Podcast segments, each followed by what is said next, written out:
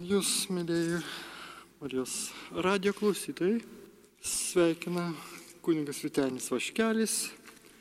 Mes vėlgi prisiminsime mūsų viešpatį Jėzų Kristų, jo auką, jo kančią ir mūsų santyki su viešpačiu, su tuo, kuris nugalėjo mirti, prisikeldamas šiuo Velykų laiku mums šviečia jo prisikelimo šviesa ir taip pat koks va štai mūsų kasdien įvairių išbandymų, sunkumų, visokių vargelių, netgi ir skausmų prieimimas.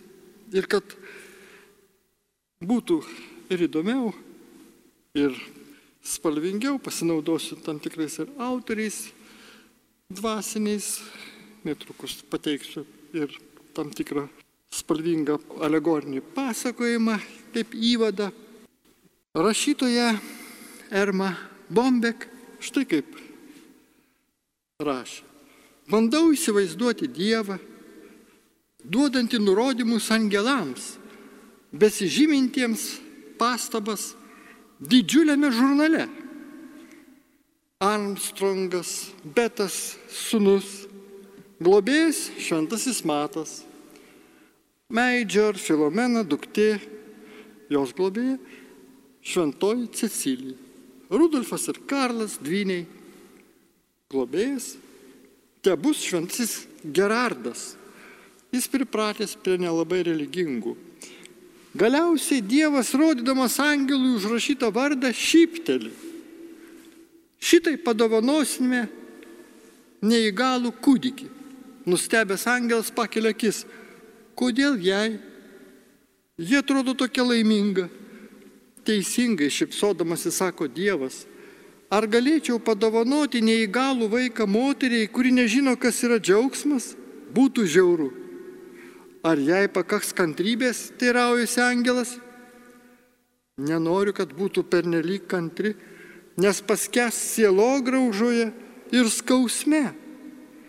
Kai įveiks pirmąjį šoką ir nusivylimą, ji sugebės atlikti viską, ko reikia. Bet viešpatė, man regis, toji moteris nėra giliai tikinti. Viešpas ir vėl šypsosi. Nesvarbu, viskas bus gera, gerai. Ta moteris tobula ir apdovanota pakankamų kiekių egoizmo. Angelas lieka be žado egoizmo. Ar tai torybė? Dievas linkteli galvą. Jei ji nesugebėtų nei minutėlį atsitraukti nuo savo vaiko, neišgyventų. Taip, tai moteris, kurią palaiminsiu netobulų kūdikiu. Jie apie tai nenutuokia, tačiau jai bus ko pavydėti. Ji niekada nebus tikra, ar teisingai nugirdo ištartą žodį. Jai niekada netrodys, kad žengti žingsnį įprasta ir lengva. Kai vaikas pirmą kartą ištars mamą, jis suvoks, jog tapo stebuklo liudininkė. Kai aklam vaikui bandys nupasakoti medį arba saulėlydį, pati regės mano kūrinyje kaip retas kitas asmuo.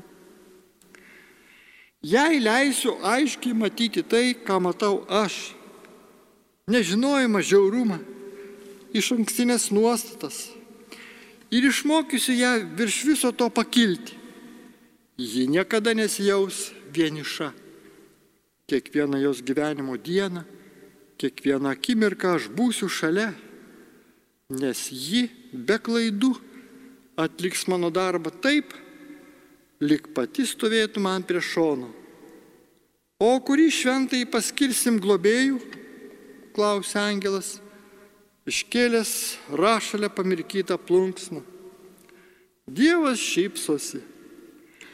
Pakaks ir veidrodžio. Tai štai Yra potekstė, gili, prasminga. Priimti tai, kas atrodo neišvengiama ir kas pašventina žmogaus gyvenimą.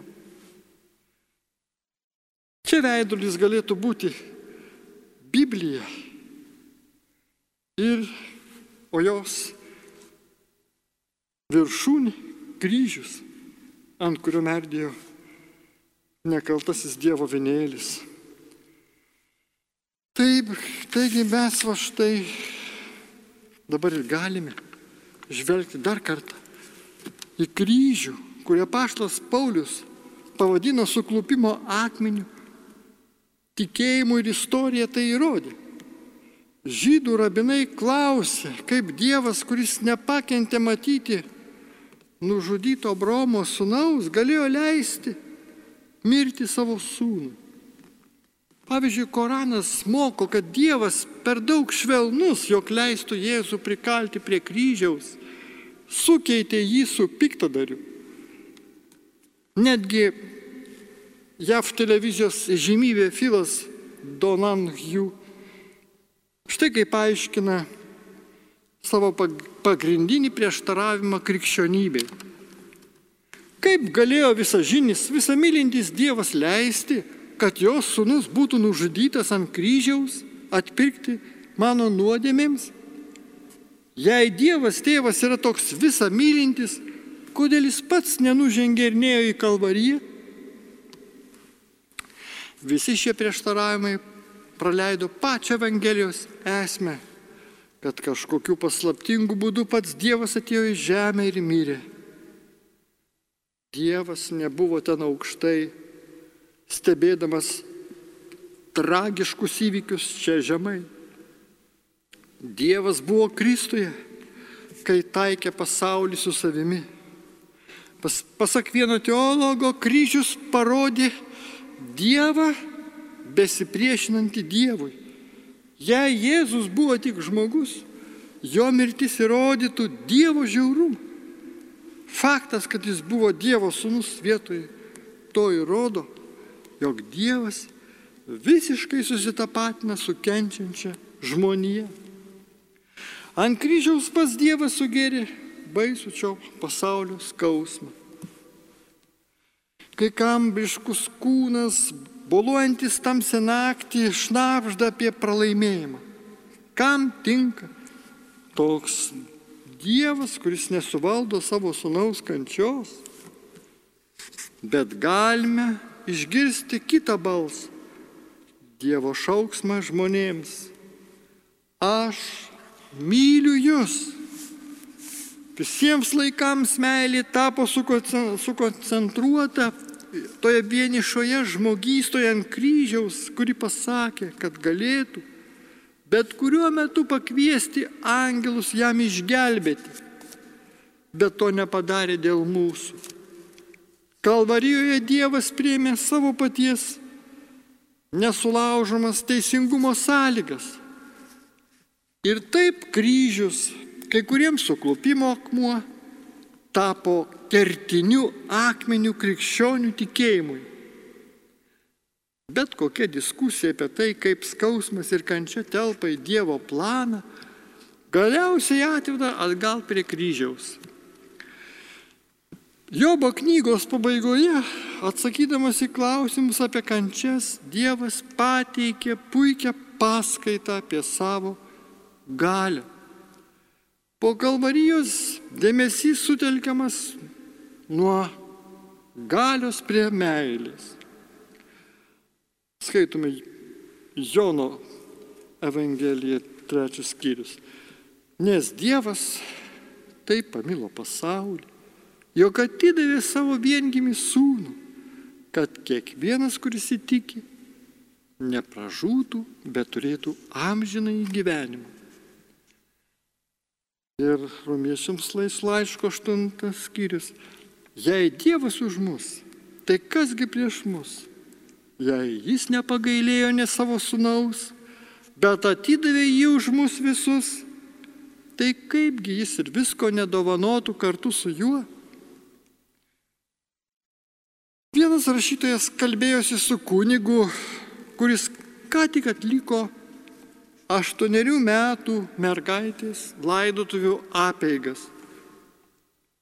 Jo parapija meldėsi, verkė ir kartu su šeima išgyveno agoniją mergaitį. Ilgiau nei metus kovojant bergždžią kovą su vėžiu. Laidutuvės išsekino kunigo jausmus, jėgas ir net tikėjimą sus Ką aš galiu pasakyti jos šeimai? Pasigodė jis tam rašytojui. Neturiu sprendimo, kurį galėčiau jiems pasiūlyti. Ką galiu pasakyti? Jis akimirką patilėjo ir pridūrė. Aš neturiu sprendimo jų skausmui. Turiu tik atsakymą. Ir tas atsakymas yra Jėzus Kristus.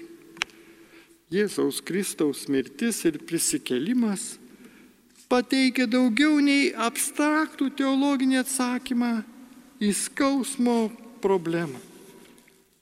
Tai mums teikia tikrą praktinę pagalbą mūsų pačių kovose su kančia. Atrandame maždaug na, keturis būdus, mažiausiai, kaip šie prieš du tūkstantmečius įvykę dalykai daro tiesioginį poveikį ir mūsų pačių skausmams, kančioms. Mokome spręsti apie dabartį pagal ateitį. Toks išmintingas žmogus vardu Džo Beilis kartą pasakė, užslinkus tamsai nepamiršk, ko išmokai šviesoje. Čia galima būtų šiek tiek oponuoti, tačiau tamsa kartais būna tokia tiršta, kad vos prisimename šviesą. Tikrai taip atrodė Jėzaus mokiniams. Per patį intimiausią pokalbį su jais, žinoma, kaip paskutinė vakarienė, Jėzus padarė tokį labai skambų pareiškimą pasaulyje jūsų priespaudo laukia, bet jūs būkite drąsūs. Aš nugalėjau pasaulį. Galime įsivaizduoti, kaip vienuolikos vyrų nugaras nupurto šiurpas išgirdus šį teiginį iš įsikūnijusio viešpatės lūpų. Ta akimirka vienuolika iš dvylikos būtų mielai atidavę už jį savo gyvybės. Vėliau tą vakarą Simonas Petras iš tiesų išsitraukė kardą Jėzui apginti. Tačiau štai kitą dieną visi vienuolika prarado tikėjimą. Tie drąsūs žodžiai iš praeities, praeitos nakties jau jos turbūt žiauriai persekiojo, kai saugiai iš toli stebėjo jį, Jėzų, besikamuojantį ant kryžiaus. Atrodė, lyg pasaulis būtų nugalėjęs Dievą. Visi jie išnyko tamsoje. Petras prisiekė, kad to žmogaus niekada nepažinojo. Be abejo, mokinių problema buvo požiūrio klausimas. Taip, buvusios šviesos atmintis buvo išdildyta. Bet po kelių dienų tie patys vyrai iš viso akinančią Velykų šviesą.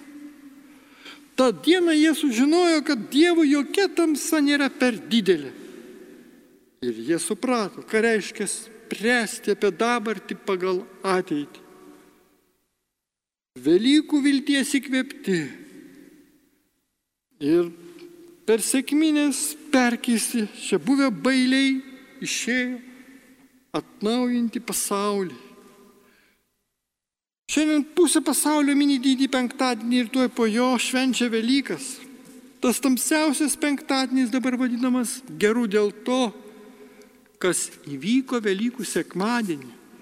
Ir dėl to krikščionis turi vilti, kad Dievas vieną dieną atkurs šią planetą ir sugražins ją į deramą vietą savo karalystėje.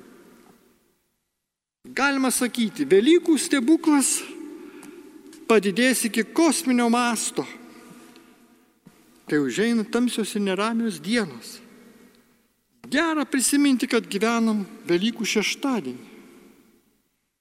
Kaip, kaip pasakė paštas Paulius, aš esu tikras, jog šio laiko kentėjimai negali lyginti su busimąją garbe, kuri mumise bus apreikšta. Neatsitiktinai Jėzus ištarė tuos pergalingus žodžius. Aš nugalėjau pasaulį. Tuo metu, kai Romos kariai ruošė ginklus jam suimti. Jis mokėjo spręsti apie dabartį pagal ateitį. Mokomės perkeisto skausmo modelio. Krikščionybėje yra paradoksų, kurie neturėtų prasmės, jei Jėzus nebūtų gyvenęs ir miręs. Ir panagrinėkim vieną iš jų. Nors skurdas ir kančios yra blogi dalykai, su kuriais kovojame ir elgiamės teisingai, tuo pačiu metu jie gali būti tie dalykai pavadinti palaimingais. Šis blogų dalykų pavertimo gerais modelį, modelis visiškai įsipildė Jėzuje. Prisimdamas skausmą, viešpat suteikė jam orumą ir parodė mums, kaip jis gali būti perkeistas. Jis parodė mums pavyzdį, kurį nori atkartoti mumise. Jėzus yra puikus visų šventojo rašto pamokų apie kančią pavyzdys. Dėl jo niekuomet negalim sakyti apie žmogų. Ji turbūt kažkaip nusidėjo, kad kenčia. Jėzus, kuris nenusidėjo, taip pat jautė skausmą. Dievas niekada nežadėjo, kad viesulai aplenks mūsų namus pakeliui link mūsų pagonių kaimynų namų ir kad krikščionių kūnų nepalies, pavyzdžiui, COVID-19 mikrobai. Mes nesame apsaugoti nuo šio pasaulio tragedijų, kaip ir pats Dievas nebuvo apsaugotas. Bet viskas vyksta pagal viešpaties planą. Dievas mato tikinčių pasiaukojimą, pasišventimą, gilų tikėjimą, atsidavimą ir tie, kur remiasi Jėzaus žodžiais. Tik tikėk, tik pasitikėk. Ir viskas išeis tikinčiam į gerą. Dievą mylinčiam į gerą. Tai ir sulauksim tos apsaugos globos tiek, kiek jos mums būtinai reikia. Atminkime, kad Petras užsidirbo stipriausią Jėzaus pabarimą, kai užprotestavo, kad Kristui nebūtina kentėti. Skausmas, aišku, mums kelia kartais pasipiktinimą. Jėzui taip pat, todėl jis darė išgydymo stebuklus. Getsemanė jis nesimeldė. Ačiū už šią galimybę pakentėti. Bet, žinome, alyvų sode desperatiškai meldė išsigelbėjimo.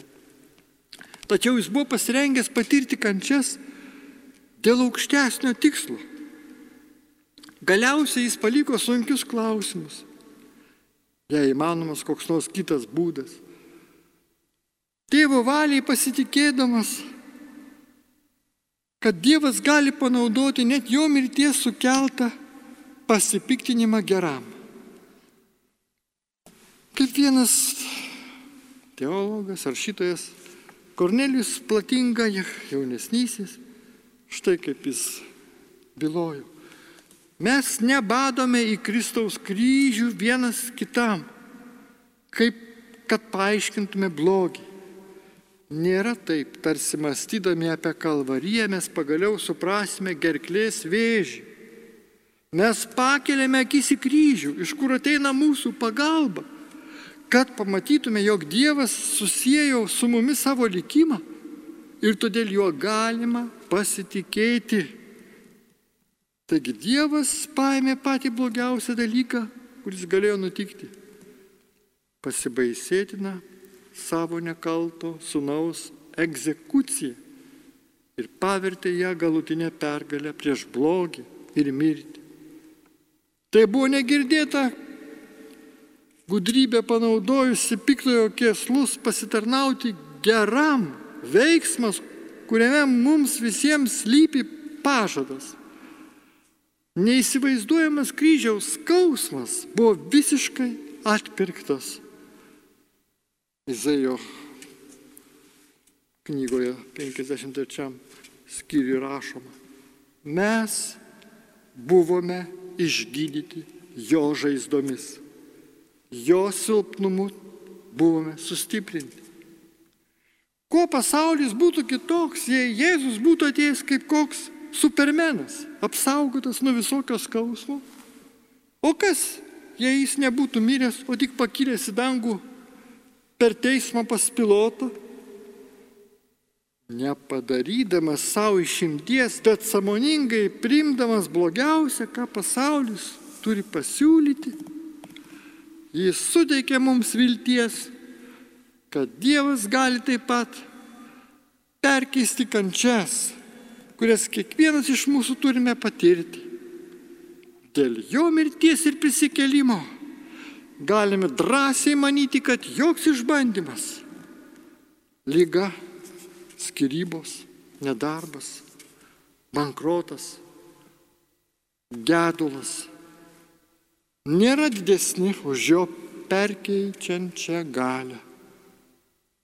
Keturiose Evangelijose aprašytas tik vienas atvejis, kai Jėzaus mokiniai kreipėsi į jį kaip į patį Dievą. Jį rasime Evangelijos pagal Jono pabaigoje po Jėzaus mirties ir prisikėlimo. Visi mokiniai dabar tiki prisikėlusi Kristų, tik vienas ne, abejojantis Tomas. Bet tarpiškai pasaulį pažįstantis Tomas užsispyrė, kad neįsitikins, kol neįbes savo pirštų randus ant Jėzaus rankų ir šono. Netrukus pasirodo Jėzus, nepaisydamas užrakintų durų ir pasiūlo kaip tik tokį galimybę. Ir kas tada įvyksta?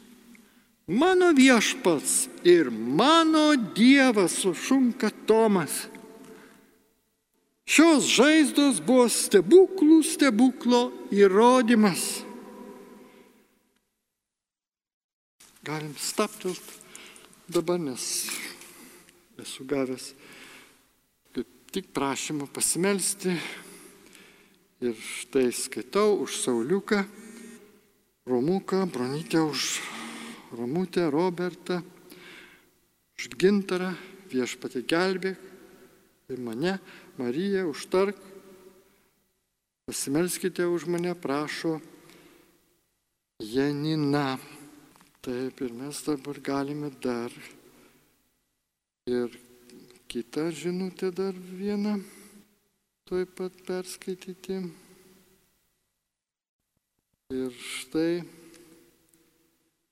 Garbėjus Kristui, prašau užtarimo maldos Leokadijai ir kad katalikai klausytų viskupų nuomonės dėl maršo, dėkoju. Vat dėl šitokia intencija. Na tai bus tai čia be abejo pagal Dievo valią. Meldžiam organizatoriams šviesos, malonių, gausos, bet tie, kurie eitų kategoriškai nusiteikę, net pas tokiu fiziškai nusiteikę fizinės jėgos, galios kažkokiu demonstravimu, kaip kad kai kurie net sakė, kad reiktų net ap juos seimą laužais, ar net sausio 13 dieną pakartot. Tai iš pirmų lūpų girdėti teko, žinoma, kad šitokie dalykai gal buvo tam tikras spontaniškas proveržys tų žodžių, bet kad jie jokių būdų netampa kūnų. Vengiam šių dalykų, melžiamės ir prašom tikrai pagalbos šeimoms, visas tėvinės šeimas, už tėvus, už vaikus, už jų tarpusavio santykius viešpatie, kad atrastų Kristų šeimos, atrastų išsigelbėjimo inkarą, nebereiktų klaidžioti tamsybėse savo vienadienių emocijų nereiktų klausyti, kurios kartais klaidina ir sveiko protą užtemto. Prašoma ir dar maldos už Petrą. Taigi, prašo Janina sveikatos, nuimti lygas jau nuo, nuo jos. Na, aišku, pagal viešpatės valią visą tai te būna tikrai tai vyksta, bet aš jums nu, Mėrėjai klausytojai, perskaitau tas intencijas, kad mes drauge galėtume pasimelsti ir Danutės dukras anukėlius, prašant atsivertimo malonės. Tai va, čia yra šeimos maršas. Va štai ir yra mūsų maldos, mūsų prašymai viešpačiutė pasidaro nuoširdus, karšti, maldavimai iš vieno. Ir mes juos prisiminsime. Ir rožinio maldo, ir ir kitose maldose, kad Dievas išklausytų, pasigailėtų mūsų prašymų ir padėtų mums. Ir dar rasas prašo, už šeimą jos pasimelsti.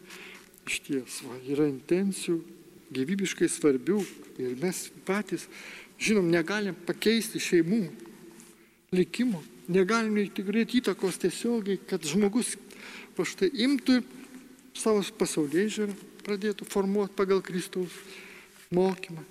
Reikia malonės. Tikėjimas yra Dievo malonė, dovana. Ir todėl jos reikia mums prašyti ir melsis, kad va žmogus pradėtų mąstyti, dėl ko gyvena šiam pasauliu, dėl ko reikia ieškoti šeimoje ramybės, taikos, sugyvenimo. O venk barnių, visok pykčio, emocijų proveržių, viešpatė, apšvies mūsų šeimas, mūsų pačius paliesk, uždek mūsų širdį suolumu. Melstis ir svarbiausia, per maldą rodyti tą tikėjimo ištvermingą pavyzdį, kad yra kitas gyvenimas Kristuje, kad galima išvengti nesantaikos, muštinių, girtoklystės šeimose. Galima atsiversti gyvą į Dievą ir sakyti, Jėzau, myliu tave pasitikiu tavim, atsiduodu tau. Tegu šventoji dvasia apšviečia mūsų šeimas, apšviečia mūsų va šios kaip tik klausytojus, klausytojas, kurios prašo maldos. Gyvybiškai taip svarbu. Dieve, pasigailėk, Marija, užtark, šventasis Juozapai, šeimų globėjau, skubėk mums padėti. Dar prateskime apmąstymus apie kančią, apie tą, kuris, su kuria kasdien susidurėme ir kurią transformuojame, perkyčiame Kristuje, atiduodami tos savo vargelius viešpačiui, prašydami viešpaties. Va, malonė. Taip, dar prašom mums už, už savanorius, visus Marijos radio laidų vedėjus, klausytojus, už kiekvieną, kur klausytojai, kuris aukoja, tikrai ir, ir finansiškai paremė Marijos radiją. Nu, tai tikrai puikia nuostabi intencija, Dieve toliau laimink ir stiprink štai šitą tikėjimo žinių šaltinį ir tikėjimo proveržį, kuris va štai nesiliaujančių srautų, tegu pasiekia va štai Marijos radijo bangomis kiekvieną, ypač va štai sudiržusią širdį, atšalusią širdį, užkėtėjusią širdį. Ir te grįžta žmonės pas viešpatį. Prašom, dar pasimelsti už Aureliją, ji nemato, kad pareigėjo. Vat, tai tikrai ir dėkoja mums, nu, viešpatė, koks tas dvasinis, sakykime, pareigėjimas, gal dar kitoks, gal dar kartais to nepastebi žmogus pats, bet artimieji jau mato tos pasikeitimus, tos gerosius poslinkius. Tad viešpatė užtvirtink tą ėjimą į tave, tą tikrai gerumo proveržį tose žmonėse, kur, už kuriuos mes dabar melžiame, kuriuos pavedam tavo gailestingumui beribėm, tavo širdžiai ir atverk viešpatė savo meilės šaltinį ir gyvos, gyvasis vanduo tegul teka į mūsų šeimas, į mūsų artimuosius, į mūsų pačius per šitą gegužės mėnesį gražų, kai matom jau greit žydinčius, jau pirmuosius medžius, ankstyvuosius. Ir matome tą žydėjimą savo, savo artimųjų aplinkoje, kai va štai vis dėlto žmonės, kai kurie tikrai ieško Dievo ir, tai, ir atranda jį. Ir tas ieškojimas yra jau nebe iš jų pačių iniciatyvos kylantis, bet iš Dievo meilės, kuri prisiliečia prie jų va štai gyvenimo. Nes viešpas visada beldžia į mūsų gyvenimo šį duris širdis ir sako atverk, atidaryk, atlapok savo širdį, aš ateisiu ir apsigyvensiu ir tau bus geriau su manimi negu be manęs. Nebebūsi vienišas, bet būsi palaimintas. Taigi priimk su tikėjimu mane, viešpas to trokšta ir mes atsiliepiam viešpatie į tą tavo va štai kvietimas ateit pas tave ir priimti tave tokį, koks esi, pažinti tave, kratyti savo va štai stereotipinių nuostatų, savo požiūrių iš ankstinio apie tave, o priimti tave tokį, koks esi Biblijoje parašytas, bažnyčios mokymus, druska pasūdytas žodis mums atveria tavo viešpatį pažinimo gelmę. Ir tai yra kelias į tave su malda, su tikėjimu. Mes žengiam paskui tave su tavimi ir tavyje pasilikdami. Kągi, žinučių vis daugėja, tai bet tik dar galiu, prašom maldų pasveikti sergančiam sūnų Laurynui, Orestui, jo atsivertimui, Dievo meilė ir tikėjimu Jėzų Kristų. Taip, tai brangenybių prašom žmonės, brangieji, palaikom visi klausytojai, mėlyjeji šitas intencijas. Taip norisi padėti kiekvienam, bet mes matom, kad be, be Jėzaus, be tavo pagalbos nieko negalėsim nuveikti. Padėk, pasigailėk. Lynai sveikatos, kuris serga COVID-19, viešpatė gelbėk visus tos ligonierius, ypač šitą Lyną mūsų, palaimink ją, kad ir pati melstųsi drauge, kur du, trys susirenka tavo vardu, tu esi mūsų tarpe. Dėkojom viešpat, dėkojom už šitas va štai maldas, už šitas va štai prašymus. Taip, kurie va dabar ateina vis va štai ir už šeimą, dar už kitus va štai žmonės. Viešpatė, dėkojame, dėkojame aukštam išlovinam tavo vardą.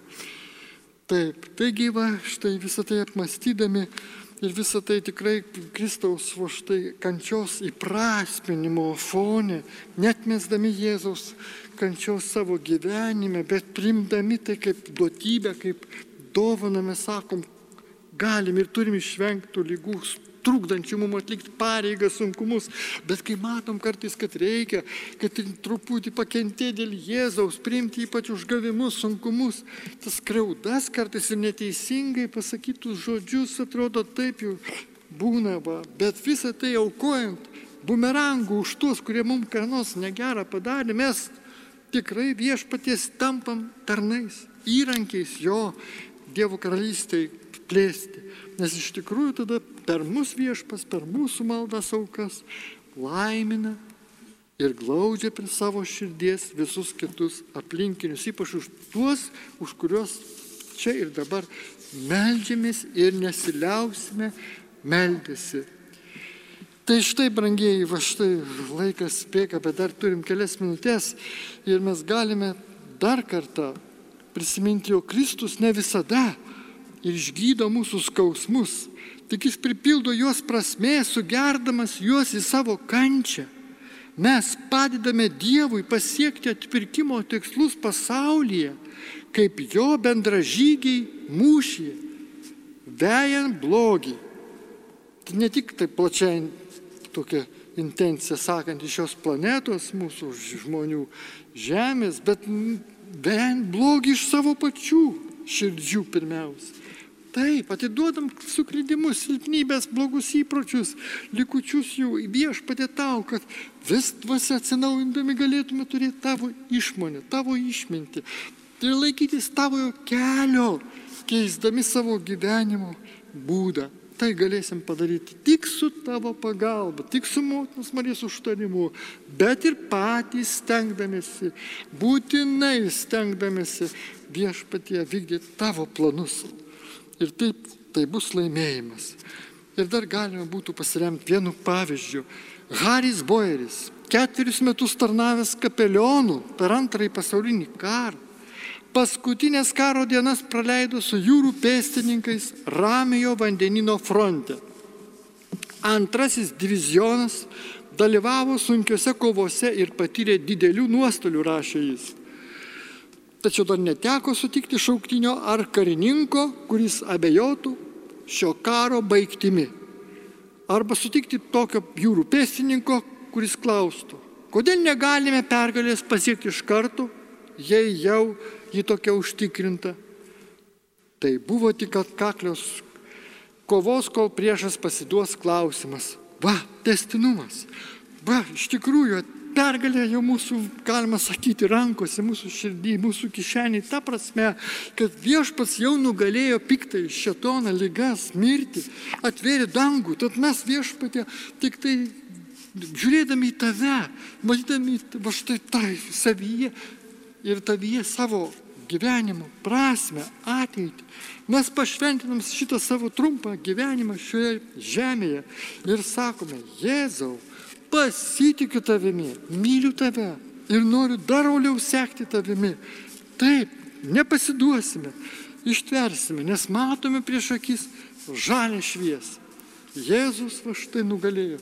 Jėzus ant kryžiaus toliau traukė visas sielas. Nes jis pats ir kalbėjo, kai būsiu iškeltas, visus patrauksiu prie savęs. Ir tėvo žodžiai Jėzau užsipildo, nes esi gyvas Dievas, su mumis pasiliekantis, tik trokštantis, kad va štai mes priimtume kančią tuo metu, kai ją reikia priimti, kai tai neišvengiama, o visas kitas kančias, kurios viešpatie tavo žinioje turi būti sunaikintos, kad taptumės per tikėjimą, maldą, gyvą maldą, sveiki pavyzdžiui išlaisvinti ir galėtume tave liūdyti kitiems, tai duok jėgų tai ir daryti.